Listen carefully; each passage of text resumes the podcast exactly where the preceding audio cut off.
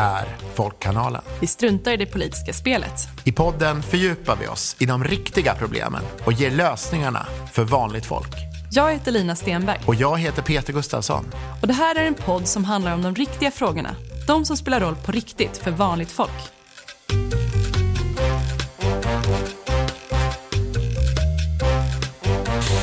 Hej och välkommen tillbaka till ett nytt avsnitt av Folkkanalen. Ja, hej och välkommen. Väldigt kul att vara tillbaka. Idag ska vi prata om en väldigt laddad fråga just nu. Ja, idag tar vi oss, ja, idag tar vi oss an en fråga på många läppar. Tesla-strejken. Eh, du Peter har ju följt frågan sedan strejken började i oktober. Varför strejkar arbetarna på Tesla? Kan du berätta det? Ja, eh, det berättar de faktiskt själva därför att eh, IF Metall, som är det fackförbund som organiserar eh, de som jobbar på Teslas verkstäder i Sverige, har eh, ställt en frågeenkät. Och där svarar de saker som att eh, vissa kollegor har inte fått löneförhöjning. Eh, man svarar att eh, tjänstepensionerna på Tesla är under all kritik. Man svarar att Tesla gör precis som de vill och ger tomma löften, säger flera medlemmar som, som får frågan. Eh, man pratar mycket om trygghet, inflytande och påverkan lokalt på arbetsplatsen. Det är ju så, vi har ju kollektivavtal av en anledning. Liksom. Därför att man ska ha trygga löner och villkor. Arbetar, eh, arbetsgivaren ska inte kunna göra som de vill. Och det är därför då som eh, människor som jobbar på Teslas verkstäder i Sverige har sagt nu får det vara nog. Vi har försökt förhandla år efter år efter år. Eh, det blir ingen förändring.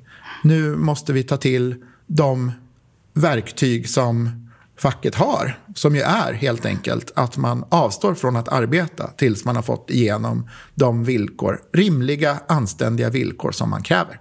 Och därför är det en strejk. Men de som är kritiska till det här, de säger ju också det att men, de som vill vara kvar på Tesla, ja, men, som tycker att det är bra, kan inte de bara få vara kvar? Och, eh, men, behöver man verkligen ett avtal om, om, om vissa ändå tycker att det är tillräckligt bra? Varför, varför, ja, men var det verkligen så dåligt då?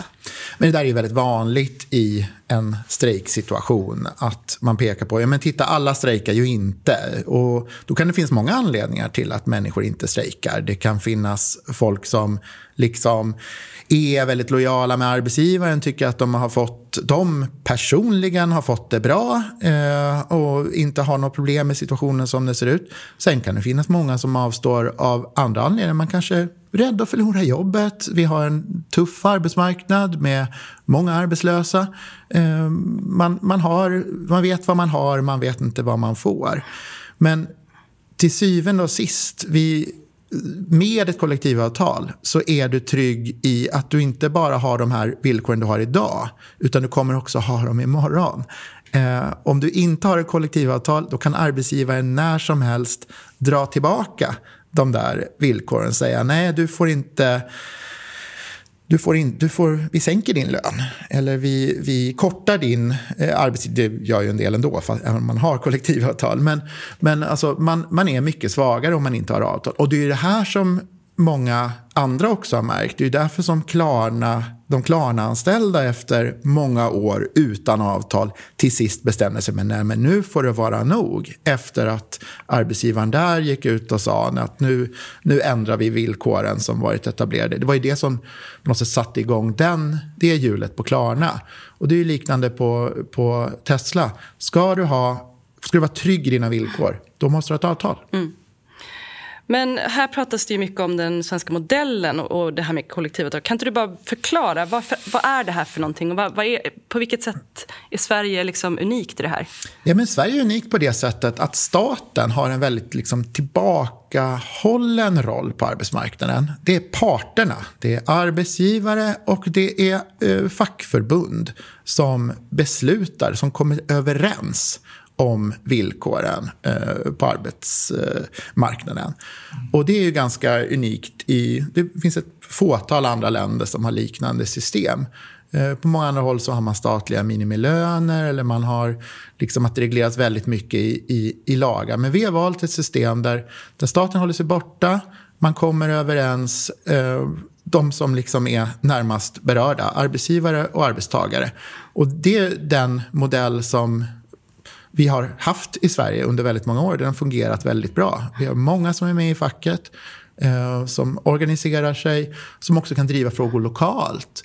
Och eh, vi behöver arbetskläder eller vi behöver eh, fixa så att vi får eh, ledigheter som funkar med våra eh, hämtningar och lämningar eller vad det, vad det kan vara. Och då kan man prata om det på liksom ett belevat sätt mellan arbetsgivarrepresentanter och arbetstagarrepresentanter. Det är ett mycket mindre stelbent system än liksom om vi skulle reglera upp allt i lag. Så det här, har ju, det här är ju man här i Sverige rörande överens om. Du hittar väldigt få, också på den borgerliga kanten, som egentligen säger att kollektivavtal är dåligt. Eh, arbetsgivarna tycker också det här är bra. Eh, men här har vi då liksom någon som kommer utifrån med sina erfarenheter av hur det funkar i USA mm. och tror att man kan liksom bara landa i Sverige och, och, och köra det här. Mm. Men det gör det ju inte. Men berätta lite om hur det funkar i USA då, med eh, fackförbund och kollektivavtal. Ja, nej men alltså, i USA har man ju väldigt svaga fackföreningar. Man har fackföreningar. Det finns fackföreningar på de flesta amerikanska bilföretag nu. De, de flesta större biltillverkare, utom Tesla, finns det liksom organiserade fackförbund. Men ett stort problem i USA också är att man har ju en väldigt fackföreningsfientlig lagstiftning som gör att för att överhuvudtaget kunna ha en en fackklubb på en arbetsplats så måste man få godkännande av en majoritet av de anställda. Så man måste hålla omröstningar som ofta är väldigt otympligt och svårt och där arbetsgivarna ofta gör allt de kan för att förhindra eh, bildandet av en lokal fackförening. Um, och, och, det här gör ju, alltså det är väldigt olika Uh, en koncernledning som sitter liksom i Kalifornien eller Texas har väldigt svårt att förstå hur det funkar i Sverige. Och det är en, del, en hel del av problemet i det här fallet. Men det här är inte heller första gången som det blir en konflikt mellan svensk fackföreningsrörelse och ett stort amerikanskt företag, eller hur? Nej, men det har, det har skett ett antal gånger tidigare. Den kanske mest omtalade är ju Toys R Us-konflikten på 90-talet. Ett leksaksföretag eh, sålde leksaker. Finns inte längre, men, men de, eh, när de etablerade sig i Sverige så var de väldigt eh, bestämda över att de skulle inte ha Eh, kollektivavtal. Utan då till sist då, så blev det en konflikt som ledde till att eh, man till sist efter tre månaders eh, konflikt eh, till slut landade i att ja, ja men okej då, vi tecknar ett kollektivavtal. Eh, och det, det, funkade ju, det funkade ju väldigt bra. Eh, så länge sen, av andra anledningar så finns inte Toys R Us kvar. Men det är en världsomspännande koncern. Mm. Eh, så. Och i, de konstaterade till sist att ska det funka i Sverige, då ska man ha avtal. Och, och visst är det också värt att tillägga tänker jag, att, att det här med den svenska modellen och hur man har eh, gjort såna här saker normalt sett gör ju också att strejkerna är färre. Alltså, vi har ju väldigt sällan strejker i Sverige jämfört med länder som inte har den här modellen. Ja, den här Tesla-strejken är den största strejken i Sverige på åradagar. Mm. Ehm, vi, hade ju, vi tecknade ju kollektivavtal för miljontals eh, människor i våras. Mitt i en hög inflation och eh, rimliga krav på att man åtminstone skulle få reallöne inte få reallönesänkning. Eh, men vårens avtal blev ju faktiskt en reallönesänkning. De allra flesta har mindre i plånboken nu än vad man hade tidigare. Alltså om man kollar vad, vad, vad pengarna är värda när man sen går ut och handlar. Men det har vi accepterat därför att vi, alternativet skulle vara liksom att, att eh, priserna börjar stiga ännu mer när då företagen ska kompensera sig för höjda priser eller för höjda lönekostnader och sådär. Eh, så då har man landat i att nej men vi, vi tecknar ett, ett avtal som svider för de anställda verkligen. Eh, men det var det bästa man kunde komma fram till då, tyckte man. Mm. Och det har funkat i Sverige. Och det, de flesta är ganska nöjda med det systemet, utom möjligen då Teslas koncernledning. Och också för att hålla nere arbetslösheten är ju en del av det. Som, ja, precis. Ehm, men den här strejken alltså, den började då den 27 oktober. Och när vi spelar in det här så finns det fortfarande inget avtal. Ehm, och strejken trappas ju upp. Kan inte du bara berätta, vad är det som händer egentligen? Ja, alltså det som händer, som ofta händer vid en strejk då, det är att det börjar med liksom en liksom grundkonflikt som är då de här tio Tesla-verkstäderna runt om i Sverige. Eh, och sen blev det ju ganska snart klart då att... Eh, för Tesla har ju också eh, använt strejkbrytare på ett väldigt systematiskt sätt. Och det är också någonstans tvingat det att för att den här strejken ska fungera som, och få, få, den effekt som faktiskt någonstans i grunden är tanken. Det ska svida för företaget att uh, folk uh, liksom, uh, liksom vägrar arbeta tills man har ett avtal. Mm. så då har man fått ta ut andra i konflikt också. Det är också för det första då andra verkstäder som också servar Tesla, som inte ägs av Tesla. Men sen har man också steg för steg börjat göra andra åtgärder. Alltså folk som levererar varor till Tesla. Då. Till exempel då de här registreringsskyltarna som har varit ganska mycket under diskussion. Mm. Och sen det som har hänt de senaste dagarna. Eller ja, det, som, ja, ganska nyligen för det som lyssnar. Eh, nej nu, vi, vi, kommer inte sända samtidigt som vi pratar. Eh, det har ju varit då att andra länder, mm. fackförbund i andra länder har eh, gått ut och sagt att man blockerar transporter av Teslabilar mm. till Sverige. Um, så att, så att, på det sättet trappas den ju upp uh, verkligen. Och Tesla vidtar då motåtgärder genom att stämma uh, olika företag då för det de uppfattar är att de inte får de var de beställt och så vidare. Så att nu blir det liksom en juridisk konflikt och, och liksom det trappas upp från båda håll. Mm. Ja, och den här strejken har också fått omfattande reaktioner utomlands. Eh, vad tycker världen om svenska arbetares strejk och, eh, mot ett av de mest hypade företagen globalt? Ja, det är ju lite... Jag såg ehm, eh, bland annat eh, IF Metalls ordförande Marie Nilsson har varit porträtterad i stora brittiska tidningar och sådär som liksom eh, David som kämpar mot eh, eh, Goliat, Teslan, liksom Tesla Goliat. Eh, det var också en artikel i Financial Times som ju är eh, en eh, stor affärstidning som verkligen inte kan kallas för någon vänsterextrem publikation som tyckte att nej men nu får Tesla skärpa sig. Ska man vara i ett land, då får man på något sätt acceptera de regler och, och, hur det fungerar i det landet. Ska, ska Tesla operera i Sverige, då, då får man faktiskt svälja stoltheten och teckna kollektivavtal. Mm. Men sen har det också varit ganska mycket politiska reaktioner här i Sverige. Jag tänker kring det här med sympatistrejkerna och ja, ska, vi verkligen, ska det verkligen få vara så här? Ska facket få ha en sån här stark roll och så vidare? Um, vad, vad, tänker du om det? Ja, det där är ju en väldigt oroväckande utveckling. Att flera politiker, alltså i partier som antingen sitter i regering eller som står bakom sittande regering, faktiskt går ut och kritiserar föreningsfriheten. För det är ju det det handlar om. Mm. Eh, arbetare, tjänstemän, löntagare har rätt att organisera sig i fackförbund.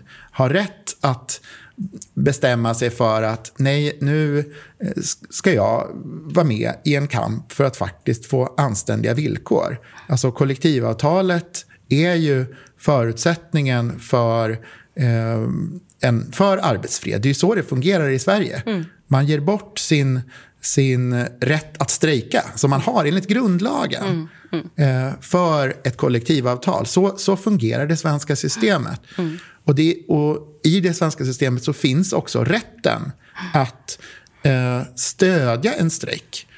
Att den här primärkonflikten då mellan IF Metall och, och Tesla, där kan andra fackförbund gå in och säga vi stödjer den här strejken och vi, eh, vi, vi deltar på det sättet att vi inte levererar, vi agerar inte strejkbrytare. Det är det man också eh, gör. Om man mm. tar bort rätten till sympatiåtgärder, då tvingar man också människor att agera strejkbrytare. Eh, genom att de då blir tvungna att liksom leverera till det här företaget som faktiskt är uttaget i strejk. Mm. Men hur ska det här gå nu då? Eh, hur länge kommer det fortsätta? Va, va, va, och vad händer om det inte blir något avtal? Det ser, det ser ju väldigt mm, svårt ut nu att sia om framtiden. Ja, det, det pratas ju om en hel del olika scenarier. Man kan ju tänka sig, alltså det enklaste är såklart att Teslas svenska dotterbolag, som det ju är, att, att, att de tecknar ett avtal. Och det borde de ju kunna göra. Det, det är ju, det är ju som sagt svenska, eh, Teslas svenska dotterbolag som anpassar sig till hur systemet funkar i Sverige. Och det borde Tesla också kunna liksom argumentera för att ja, men så, så gör vi där. Mm. Ett annat alternativ är ju att Tesla faktiskt lämnar Sverige. Mm. Att de konstaterar att de vill inte jobba efter svenska regler. Mm. Därför så ska de inte ha någon verksamhet i Sverige. Mm. Det, det, den rätten har ju naturligtvis Tesla. Mm. Det skulle ju såklart vara tråkigt för många svenska eh, Tesla-ägare eh, om, om det blev så. Men, men den rätten har ju Tesla att göra. Sen kan man tänka sig många andra modeller däremellan. Och jag vet att det pågår massor av olika diskussioner om hur man kan hitta lösningar där liksom Tesla kan lite grann eh, ja, men slippa stå med skammen på något sätt. Mm. Uh, så det, så det, det, kan nog finnas många olika lösningar som man egentligen sitter och pratar om, fast man pratar inte om det. Um, man pratar ju inte om sin plan B förrän man genomför den. Liksom. Så att det kommer nog... Jag tror att det troligaste är att det dyker upp någon sorts kreativ lösning mm. uh, som, där, där båda får liksom äran i behåll på något ja, sätt. Mm. Skulle jag gissa. Ja, men Spännande. Men vad tänker du? Då? Vad kan den som lyssnar här göra? Ja, finns det någonting man kan eh, göra för att stötta facket här eller liksom få den här frågan att fortsätta leva? Ja, det första är ju naturligtvis att på alla sätt och vis liksom uttrycka sin sympati mm. och i diskussionerna liksom argumentera för rätten att strejka, mm. rätten att eh, driva på för anständiga villkor. Mm. Eh, det är väl det allra viktigaste. Och sen naturligtvis eh, eh, den som på något sätt sitter med, med, med makten att bestämma om man ska liksom köpa en ny bil till sig själva eller företaget. Det kanske är dumt att, att handla av eh, företag som inte har kollektivavtal när det faktiskt finns företag som har det. Mm. Där kan man ju också använda sin konsumenträtt. Det är såklart svårare för den som redan har en Tesla. Eh, så. Jag, har, jag har full förståelse att man av alla möjliga miljöskäl och så har, har valt. Men där är, blir ju också problemet, om vi ska prata om hållbarhet, mm. så är ju, det handlar ju inte bara om den ekologiska, det handlar också om den sociala hållbarheten. Mm. Och Tesla har just nu visat att man inte är särskilt duktiga på att stå upp för social hållbarhet. Jag hoppas ju att de ska skärpa sig mm. och inse att man kan inte bara jobba med eh, liksom klimatfrågan liksom, och, och, och, och el, eh, ställa om till el. Utan man måste samtidigt också jobba med människor. Det, det, det måste hänga ihop mm. och det gör inte Tesla idag. Ja, men tack Peter. Vi knyter ihop säcken där. Eh, vad intressant det har varit att lyssna på om eh, den här eh, väldigt ovanliga stora strejken som pågår, i alla fall när vi spelar in just nu och, och som faktiskt bara intensifieras och som känns som att liksom, den berör alla, men också satt igång en väldigt intressant och viktig debatt tror jag, både internationellt men, också, men, men i Sverige kring ja, men varför behövs fackförbunden, varför behövs kollektivavtal, hur ser balansen ut på arbetsmarknaden, hur gör vi när det kommer utländska stora företag in i vårt land på vår arbetsmarknad, eh, vad kan vi ställa för krav av och eh, ja, vad bör vi tänka på framåt? För det här är sannolikt inte heller den sista gången som en sån här situation uppkommer. Ehm, du som lyssnar är jättevälkommen att fortsätta diskussionen i våra sociala kanaler. Och Du kan också hjälpa oss genom att ge vår podd ett fint betyg och en recension. Tack igen Peter och tack till dig som lyssnat. Ha det bra tills vi hörs igen.